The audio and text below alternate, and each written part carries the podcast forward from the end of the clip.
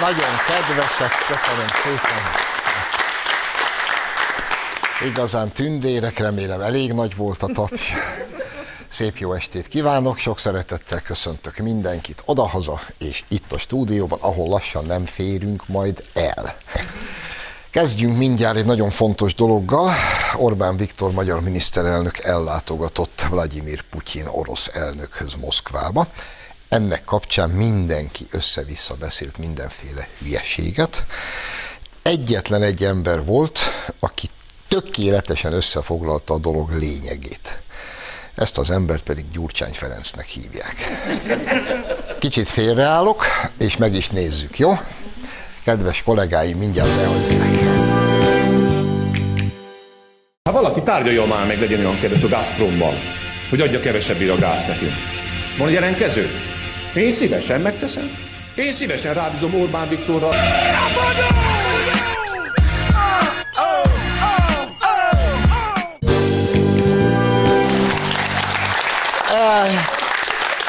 Drágáim! Igaz, hogy a Feri évekkel ezelőtt még miniszterelnökként foglalta össze a lényeget, de kristály tiszta. Semmit nem lehet hozzátenni, sem elvenni belőle. Van valaki, aki megtárgyalja a Gazprommal, hogy adják olcsóbban az orosz gázt?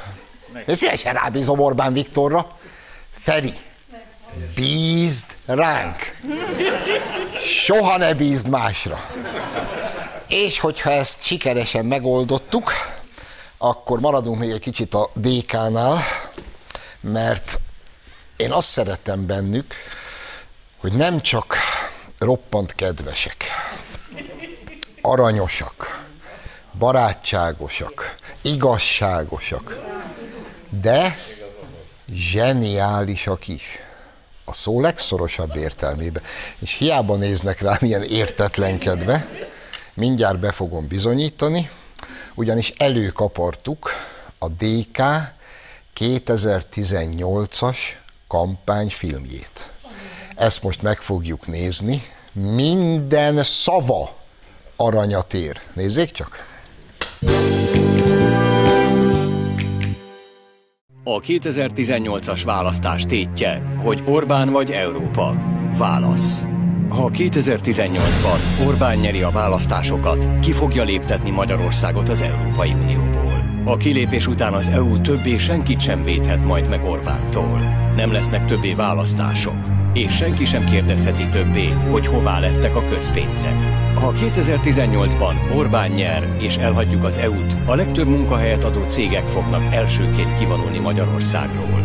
Egyik hétről a másikra több tízezer ember kerül majd utcára, akik európai állampolgárság hiány akkor már külföldre sem tudnak majd menni. Az EU elhagyásával a magyar gazdaság hónapok alatt államcsőd közeli helyzetbe kerül. Néhány nap alatt a többszörösére nő majd az infláció. A boltokban naponta fognak árat emelni, a nyugdíjak pár hét alatt értéküket vesztik. A bankok egymás után vonulnak majd ki. Egyik pillanatról a másikra szűnnek majd meg a számláink, tűnik el a fizetésünk, megtakarításunk. A kilépés Orbánnak örök hatalmat, a magyarok számára nemzeti tragédiát jelentene. Ne hagyd, hogy megtörténjen. 2018-ban védd meg hazánk EU tagságát Orbántól. Válaszd Európát. Szavazz a DK-ra, az Európai Pártra. Na! Előbb még itt néztek rám milyen furcsán, hogy miért mondom azt, hogy zsenik. Hát itt van. Hát minden szavuk igaz volt. Hát itt állunk. Kiléptünk az EU-ból. Tönkrement a magyar gazdaság. A nyugdíjak elvesztették értéküket. Több tízezer ember került egyik napról a másikra utcára. Nem tűnt még föl? Mostanában bedugták a bankkártyájukat egy automatába, és kiírta, hogy egyenleg nulla. Hm? Bankok elmentek? Haha. Az összes létező multinacionális cég elhagyta az országot? Ne, csak nem mondja, hogy jönnek be. Mit nem hallok? Most amúgy pedig tényleg minden szavára oda kell figyelni, mert ugyanezt a sipot fújják. Teljesen, ugyanezt. és mindig, mindenben pont annyira van igazuk, mint ahogy igazuk lett 18-ban is. Ezt mindig tartsuk szem előtt. Annyi a különbség, hogy most már nem csak a DK, egyesültek. Szappan szar szalámi, mint egy jó, jó falusi szatócsboltba, minden összeállt, és most együtt mondják ugyanezt. És pontosan ugyan annyi az igaz belőle, mint volt 18-ban. És van még egy érdekes kis filmecskénk, ezt őszintén szólva nem nagyon tudom értelmezni, de azért fogom most bemutatni, hogy hát ha önök majd segítenek, hogy végül is megfejtsük, hogy mit látunk. Márki Zaj Péter fog következni, semmit nem fog mondani. Egy ilyen, hát egy ilyen cselekvés sort fogunk végignézni. Kérem, hogy nagyon figyeljenek oda.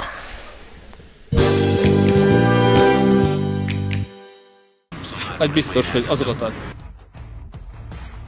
Egy biztos, hogy azokat ad.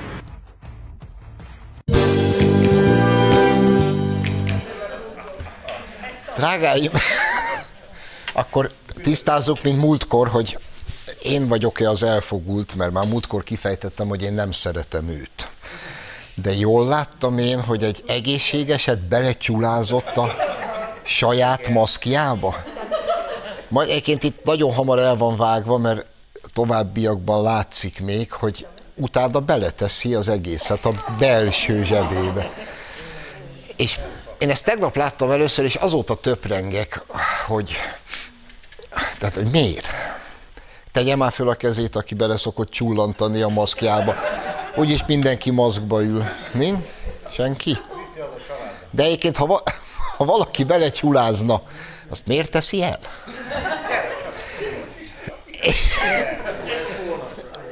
Be, Bencsik Gabi a sajtóklubba arra szavazott, hogy azért köpött, hogy nehogy homályos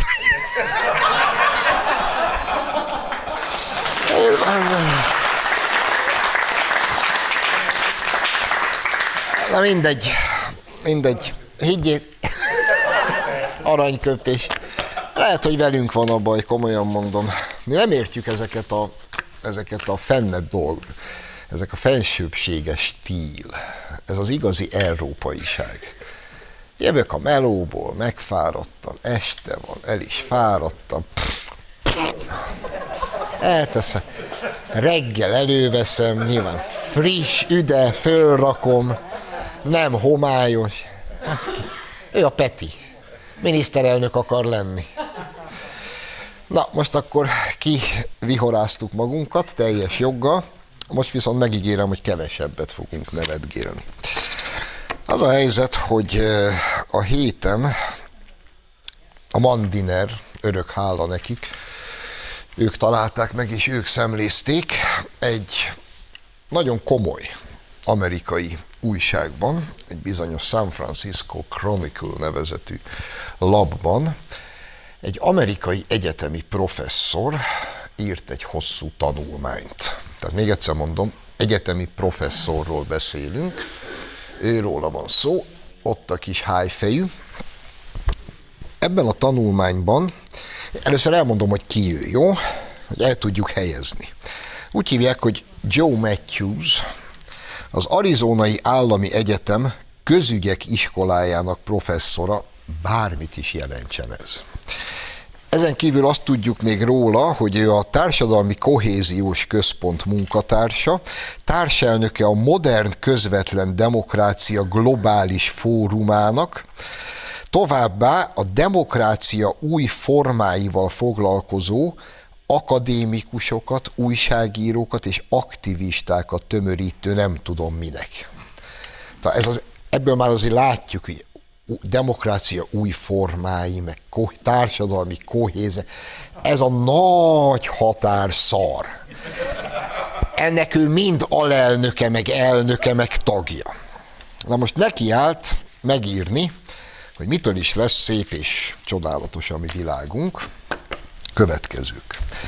Idézetek következnek a mai amerikai Egyesült Államokból egy egyetemi professzortól. Ha Kalifornia valaha is valódi méltányosságot akar elérni, az államnak meg kell követelnie a szülőktől, hogy adják ki kezeik közül a gyermekeiket.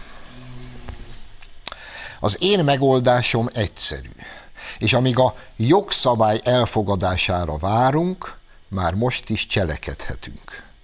Mielőtt további idézeteket felolvasok, itt egy pillanatra álljunk meg. Nem kevesebbről van szó, tisztelt Hölgyek Urak, mint sem arról, hogy ez az alak arról értekezik, hogy az államnak kötelező jelleggel el kell venni a szülőktől a gyerekeket, állami gondozásban kell a gyerekeket felnevelni, mert csak így lesz szép, egyenlő társadalom. Majd, és ez különösen hátborzongató ez a kis félmondat, ami idézett tőle, ameddig a jogszabály elfogadására várunk. Ez ugye minimum azt jelenti, hogy hát vagy már beadtak egy ilyen jogszabályt, vagy már dolgoznak rajta, vagy be fogják adni. Jogszabály. És folytatja, amíg várunk, addig se üljünk karbatett kézzel, tudunk addig is tenni nagyszerű dolgokat. Mit? Idézet. Addig a gazdagok adják a gyermekeiket a szegényeknek, a szegények pedig a gazdagoknak.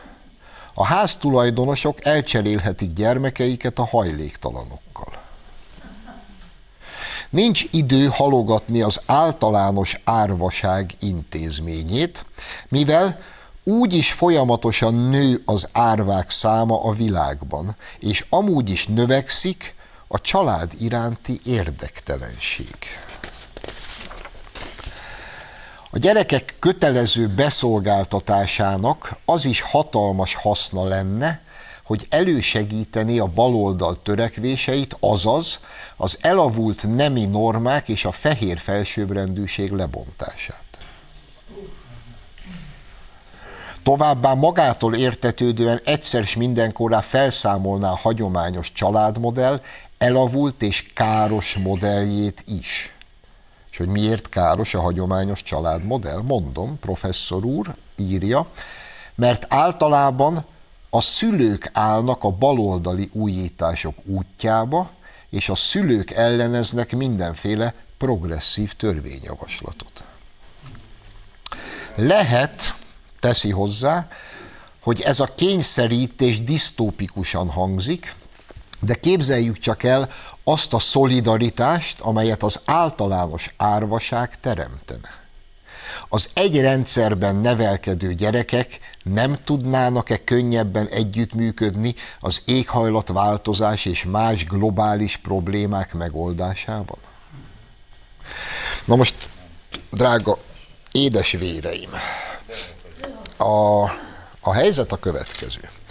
Ugye egyfelől nyilván, hogy ilyenkor az az első reakció, hogy ez nyilván valami magányos elmebeteg, aki marhaságokat beszél, és ez valószínűleg önmagában igaz is. Tenném persze mindjárt hozzá, hogy elmebetegnek nevezni az egyszer, mint felmentés is, mert ez egy sötét gazember. És azt is tegyük mindjárt hozzá, hogy eh, semmi újat nem talált fel. A világban az a tragédia, hogy a történelem mindig ismétli önmagát. Ezt számtalan alkalommal már föltalálták. Fourier és a falanszter elmélet, ami alapján Madács az ember tragédiájában a 12. színben megírja ugyanezt. Emlékeznek még, ugye? Falanszter, ahol Michelangelo széklábat farag, és aztán jön a végén a nagy jelenet, mikor a tudós, aki irányítja a falansztert, oda rendeli a frissen született nőket a gyerekeikkel, a gyerekeket, csecsemőket megvizsgálja, és akkor kiadja a szentenciát. Ebből orvos lesz, ebből tehénpásztor.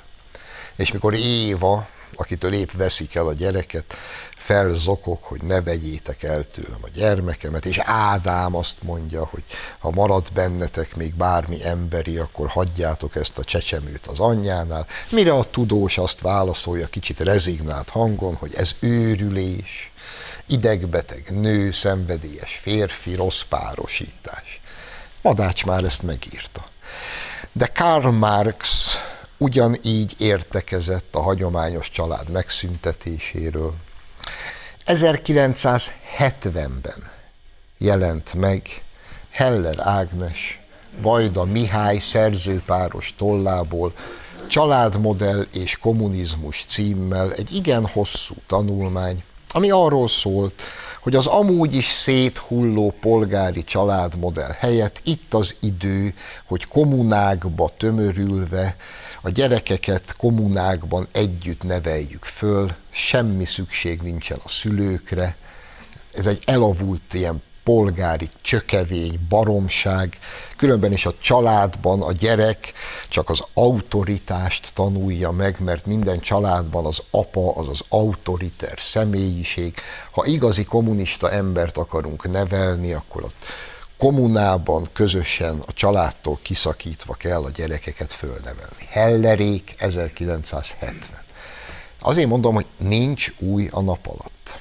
De azért az, hogy én 2022-ben az Egyesült Államokból érkezik ez megint és újra. Azért lássuk be, ez minimum hátborzongató. És gyorsan tegyünk hozzá még valamit. És nem győzöm hangsúlyozni ezt a fél mondatot, mikor azt mondja, hogy addig is, míg a törvényjavaslatot elfogadják, addig is cserégessünk gyereket. Tíz évvel ezelőtt ha önöknek valaki azt mondja, hogy tíz év múlva majd törvénybe fogják iktatni, hogy a férfiak szülhetnek gyereket és menstruálhatnak. Melyikük hitte volna el? Ugye? Ez most itt, e, most mondhatjuk, hogy ez a gazember nem mindegy, hogy mit beszél. Nem. És majd tíz év múlva itt fogunk ülni, hülyén nézünk egymásra, hogy és akkor most mi van. És egyébként, amióta ezt elolvastam, ezen is töprengek. Vajon hogy nézne ez ki a gyakorlati megvalósítása? Megszületik a gyerek, és rögtön elviszik? Vagy még hagyják, hogy az anya szoptassa fél évig, vagy egy évig, mert a, és akkor utána viszik el? És ki viszi el, és hogy? És, és mi a teendő? és milyen típusú társadalom és milyen típusú diktatúra kell ahhoz, hogy ezt meg lehessen csinálni. Ez Észak-Koreába se jön össze szerintem felhőtlenül. Ott biztos vagyok benne, hogy vannak gyerekek, akiket egyszerűen elvesznek a szüleiktől, de azért úgy általános, kötelező érvényel ezt még ott sem merik megtenni. Kik ezek és mire készülnek? És persze ilyenkor vetődnek fel megint az, az alapvető emberi kérdések. Meddig és hogyan köteles a normalitás világa mindezt elviselni és eltűrni? És egyébként mi a helyes cselekvés? Ezen már az antik ember is elég sokat gondolkodott. Sophoklis Antigonéja ezt az alapvető kérdést veti fel. Ha a zsarnok hoz egy egy emberi törvényt, az vajon felülírja-e az isteni törvényeket? És az antikvitás válasza erre, Antigoné válasza erre az, hogy nem. És amikor Kreón azt mondja, hogy nem temetheti el a testvérét, mert ő ellene támadt, akkor Antigoné azt mondja, a halottat eltemetni isteni törvény, ami mindig előrébb van bármely emberi törvénynél, különösképpen a zsarnok törvényénél. Magyarán akkor megint föl kell tegyük a kérdést. Létezhet-e emberi törvény, amely kimondja, hogy a szülőtől elveszik a gyermeket? És ha születne, Isten ne adja ilyen törvény, akkor mi lenne a teendőnk? Mert akkor ugye értelemszerűen következik a zsarnok ölés kötelessége. Ne tévedjünk. Egyébként önök el tudják képzelni. Gondolom önöknek is van gyermekük, unok. El tudják képzelni, hogy megszülik a gyermeket. Én ben voltam a fiaim születésénél. Amikor ezt a három-négy kilós kis csodát az ember először a kezébe veszi. És, és zokog. És akkor jön majd valaki, és ezt elveszi. És én ezt hagyom. Mi? Hol? Kik ezek? Hol élünk mi? Hát Stálin lent a pokolba ordítva röhög. És azon töpreng, hogy ez hogy az Úristenben nem jutott neki eszébe. És ezt nevezzük ma demokráciának, progresszivitásnak, felvilágosodásnak, meg szép új világnak. Emberek, tényleg tartsátok szárazon a puskaport.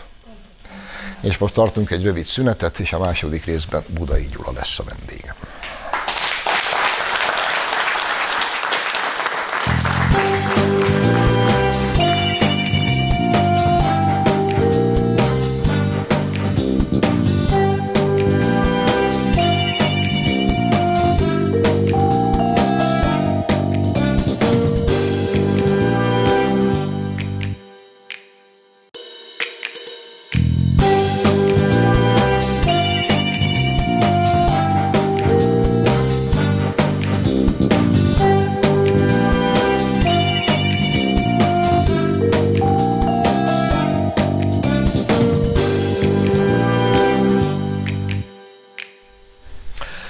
Már is folytatjuk a műsort. Vendégem a stúdióban, tehát Budai Gyula országgyűlési képviselő. Szia, Gyuszikám! Jó estét kívánok! Gyuszi bácsi, eh,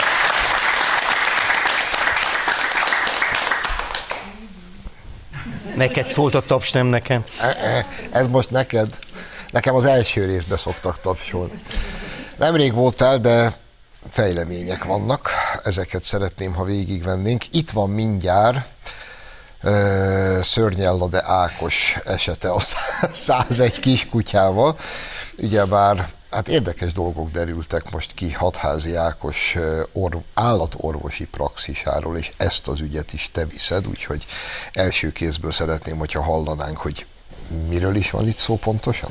Hát bocsánat, én csak észleltem egy olyan dolgot, amit ha az ellenzéki oldalon észlelnek, akkor egy hónapig erről szól a sajtó, ugyanis az történt, hogy Hatházi Ákos, amióta parlamenti képviselő, vagyonnyilatkozatában állandóan azt tünteti fel a foglalkozásánál, hogy állatorvos, és hogy szünetelteti. Ez egy teljesen természetes dolog, ugye én amikor bekerültem 2010-ben a parlamentbe, nekem is az ügyvédi tevékenységemet le kellett szüneteltetni, és az ügyvédi kamara felszólított, hogy azt a száraz bélyegzőt, amivel a szerződéseket elejegyeztem, azt adjam le. Tehát lényegében én nem folytathattam az ügyvédi tevékenységemet. Ezzel szemben ugye mit ad Isten kiderült, hogy 2000 20 és 21 között Hatházi Ákos, országgyűlési képviselő kollégánk közel 101 kis állatútlevelet, ilyen Európai Uniós állatútlevelet állított ki díjazás ellenébe, amit nem tetett volna meg. És egyébként az egész dolog úgy derült ki, hogy, hogy mi megkérdeztük a, attól a hatóságtól, aki egyébként ezekben az ügyekben jogosult, hogy ehhez a állatosi pecséthez kitartozik. És nem mi mondtuk, hogy hatházi Ákos tartozik, a hatóság mondta meg, hogy ezt az állatorvosi becsétet, ami kiderült, hogy hatházi Ákosé, hatházi Ákos használta ennek a 101 darab ö, útlevélnek a kiáltásához díjazás fejében. Tehát az mellett, hogy hatházi Ákos kapta a parlamentből a az országgyűlési képviselői jövedelmét és egyéb dolgokat, az mellett ő annak ellenére, hogy szünetelteti a praxisát, ő pecsételt, kisátútlevelet állított ki, és ezért díjazást vett fel, és én úgy gondoltam, hogy ez megér egy etikai vizsgálatot, és a Magyar Átorvosi Kamara Etikai Bizottságához fordultam, és megindították az eljárást Hatházi Ákossal szemben. Hát halúd legyen kövér, ugye a korrupció koronátlan bajnoka, aki minden faluban valamit föl szokott fedezni, hogy nem készült el időre sok-sok minden, és az egész jobboldal korrupt, ő pedig teljesen rendben van. Ugye, hogy Fekete Győr mondta, ő a korrupció elleni harc szentje, vagy mit tudom én, milyen baromságot mondott Fegyőr. Hát most úgy néz ki, hogy azért hatházi Ákosnak meg kéne magyarázni, hogy hogy lehet, hogy a vagyonnyilatkozatban az szerepel, hogy szünetelteti az állatos tevékenységét, közben pedig pecsételem az útleveleket és pénzt veszek föl ezért. Tehát nem egy nagy dolog, de azért erre valamit mondani kéne. Csak hogy mindenki értse, meg én sem pontosan értem. A képviselő, az országgyűlési képviselők jogállásáról szóló törvény szerint kötelező neki szüneteltetni a praxisát. Így van, tehát ugye az országgyűlési... Hát ez, nem, ez nem egy választható nem, opció. A, a, a képviselők jogállása vonatkozó törvény egyértelműen elmondja, hogy kereső tevékenységet nem folytathat, és a vagyonnyilatkozatában fel is kell tüntetni, hogy ő szünetelteti ezt a tevékenységét. És egyébként Hatházi Ákosnak ugyanúgy le kellett volna adni az állatorvosi bélyegzőjét, amikor ő mandátumot szerzett, mint ahogy én leadtam a száraz bélyegzőmet, és ő nem használhatta volna. És akkor most ugye Hatházi Ákos jön mindenféle sztorival, hogy a cége, meg a nem a cége, meg stb. Tehát elkezdett mellé beszélni, ahelyett, hogy kiállt volna, és azt mondtam, hogy elnézést kérek, hibáztam, levonom a megfelelő konzekvenciákat, de ő nem, nem vonta le, hanem támadott, és ö, ö, még a végén én a hibás, hogy ő 101 ö, kisállatútlevelet kiállított, nem vagyok én ezen meglepődve. Tehát én azt gondolom, hogy ö, viccet félretéve, tehát azért a, a, a, a túloldalon ezeket a dolgokat valahogy ö, nem úgy kezelik, ugye a kettős mérce működik, tehát Ceglédiről már nagyon sokat beszéltünk, hogy Ceglédinek van jogerős ö, ö, ítélete adócsalás miatt folyik ellene ö, ö, x darab eljárás, és múlt héten már Kizaj Péter, az ellenzék miniszterelnök jelöltje elment, meglátogatta, és azt mondta, hogy hát ezek a bíróságok milyen csúnyák, és megtámadta a bíróságoknak. Ceglédi pedig egy rendes gyerek, és megsimogatta a fejét. Hát, szóval ezen el kéne gondolkozni.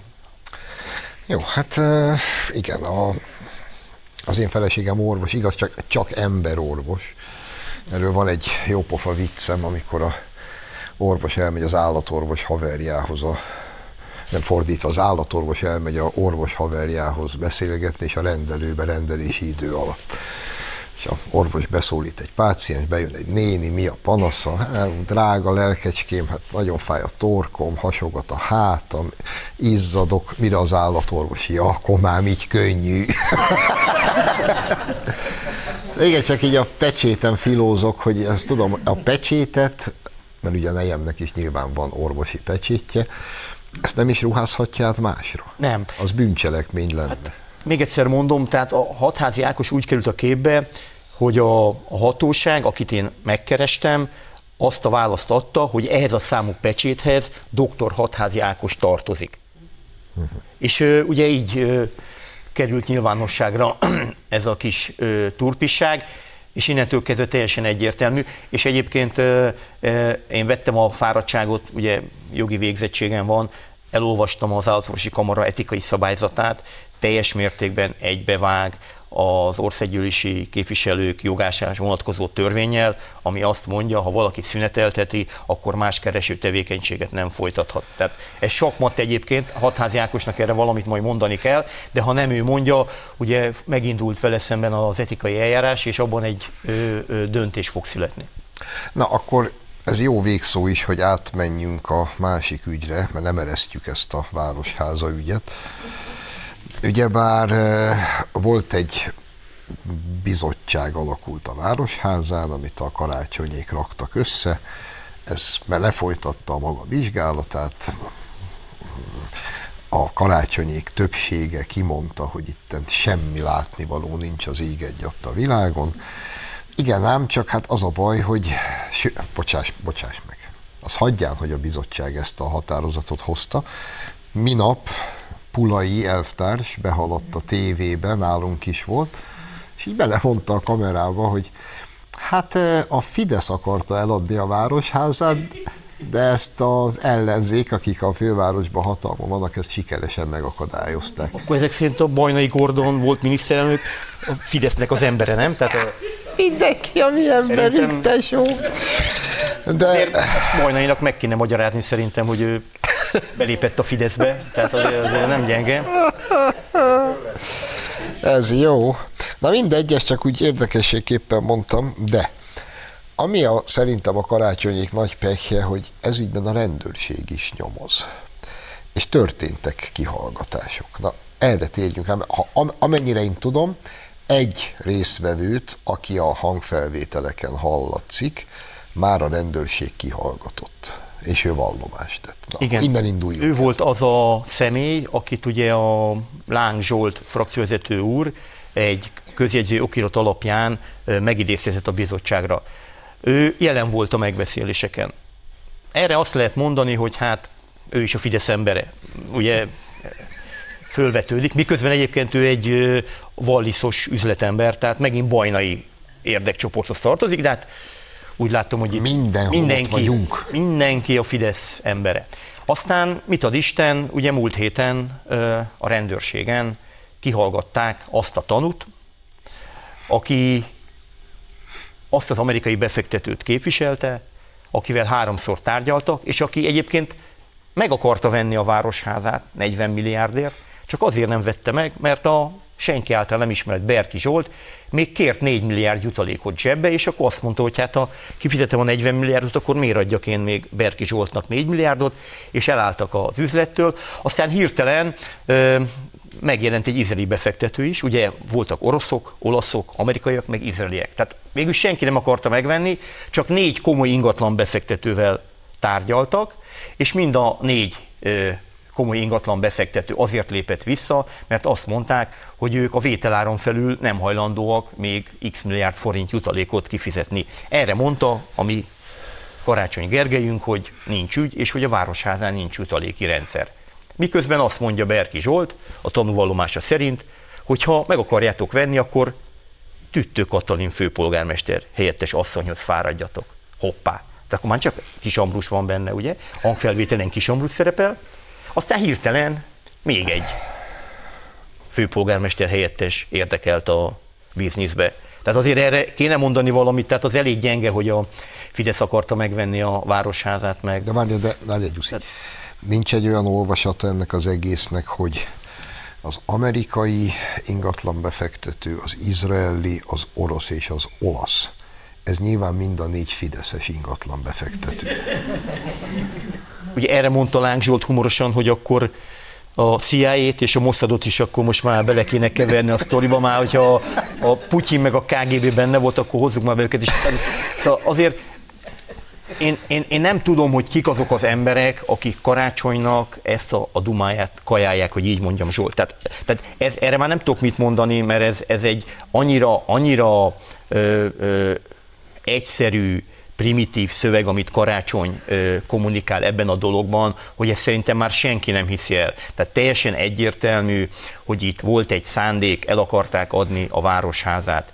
És nem csak szándék volt, hanem komoly elhatározás. Bemegy ez a jóképű másik főpolgármester helyettes az ATV-be, és nagy nehezen elárulja, hogy én voltam, én voltam az előterjesztő, meg, meg, meg megtárgyaltuk, meg izé, már én, én, én azt láttam, hogy szegény ö, ö, ö, Rónai Egonnak volt kellemetlen kérdéseket föltenni, mert a, az ember így ment össze, tehát Ezt, ezt megjegyeztem örökre, mert a showba is szerepelt, ez a Kerper Frónius. Így van. a kérdésre ki volt az előterjesztő, az bírta válaszolni, hogy ő, Igen, ő. azt hiszem én. igen. És erre a Rónai majdnem leesett a székére, igen, erre emlékszem. Tehát én, és körülbelül én, én azt látom, hogy, hogy Karácsony Gergely és ez az egész baloldali összefogás ennyire hülyének nézi az embereket. Tehát én nem, nem tudok mit mondani, tehát azt gondolják, hogy ha kiállnak egy ilyen kitalált sztorival, hogy nincs városháza ügy, meg kenjük rá a Fideszre, és akkor majd ö, nem lesz belőle semmi, de itt most már olyan konkrétumok vannak, amivel nagyon nehéz vitatkozni, és egy dolgot azért szeretnék mindenkinek elmondani. Azt, amit a vizsgáló bizottság csinált, az egy jó műbalhé volt. Egyébként semmi másra nem volt jó, senki nem akart elmenni, senki nem akart megjelenni. A az utolsó ügyintézés csak írásban akart válaszolni a bizottság elnökének, a rendőrség viszont egy nagyon komoly bizonyítási eljárást folytat le. Hívják be egymás után a tanukat, hallgatják meg, ott az igazmondás kötelezettségére vannak figyelmeztetve, nem lehet mellé beszélni. Ha majd Karigeri is bemegy, akkor nem mondhatja azt, hogy szarok rá, bocsánat, hogy mi van a hangfelvételen, hanem neki azt kell elmondani, hogy mi volt tudomása. És ő körbe van kerítve, mert a saját emberei tettek rá terhelő vallomást. Tehát ők mondták el, hogy a főpolgármester úr rendelte meg, a főpolgármesteri kabinet megtárgyalta, tehát itt most már nem lehet mellé beszélni Zsolt Hiddel, tehát én azt gondolom, hogy, hogy Karácsony Gergely az, az, az sakmat, és tök, tök alkalmatlan ez az ember. Tehát, min, tehát Nem kéne, kéne, neki, kéne neki keresni valami olyan foglalkozást, ahol a hiperpasszív angol tudásával jó ellene, de, de ez a főpolgármesterség, ez, ez szerintem egy nagyon nagy neki, én, én ezt gondolom. Nem tudom, mi, nem tudom miért vagy ilyen szigorú. Bocsánat, én őszinte vagyok, nem szigorú. Olyan helyes fiú ez a, ez a Gergő. Azt mondod, hogy alkalmatlan, akkor most ugorjunk így, kicsit hagy csapongjak, de hát muszáj idehoznom. Mégiscsak ugye volt egy Orbán-Putyin találkozó. Kígyót békát kiabálnak a magyar miniszter, mind az ellenzékünk, mind a nyugati sajtó, a Brüsszel, Washington, mindenki fújja az tüzet, miközben az az egyszerű tétel, amit a miniszterelnök elmondott. Van orosz gáz, van rezsicsökkentés.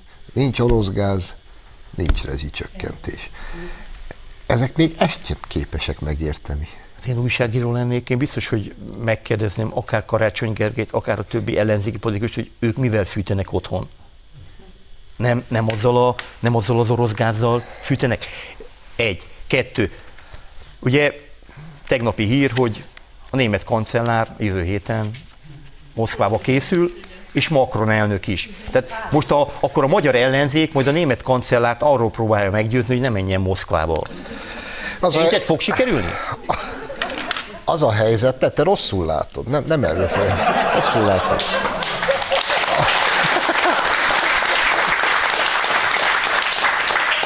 A, sajtó, a sajtóklubban már erről értekeztünk, csak hogy tud, ugye ide ugye Orbán, Putyin találkozó, másnap Süddeutsche Zeitung, Neue Zürcher Zeitung, Politico, Gárdi, aki él és mozog.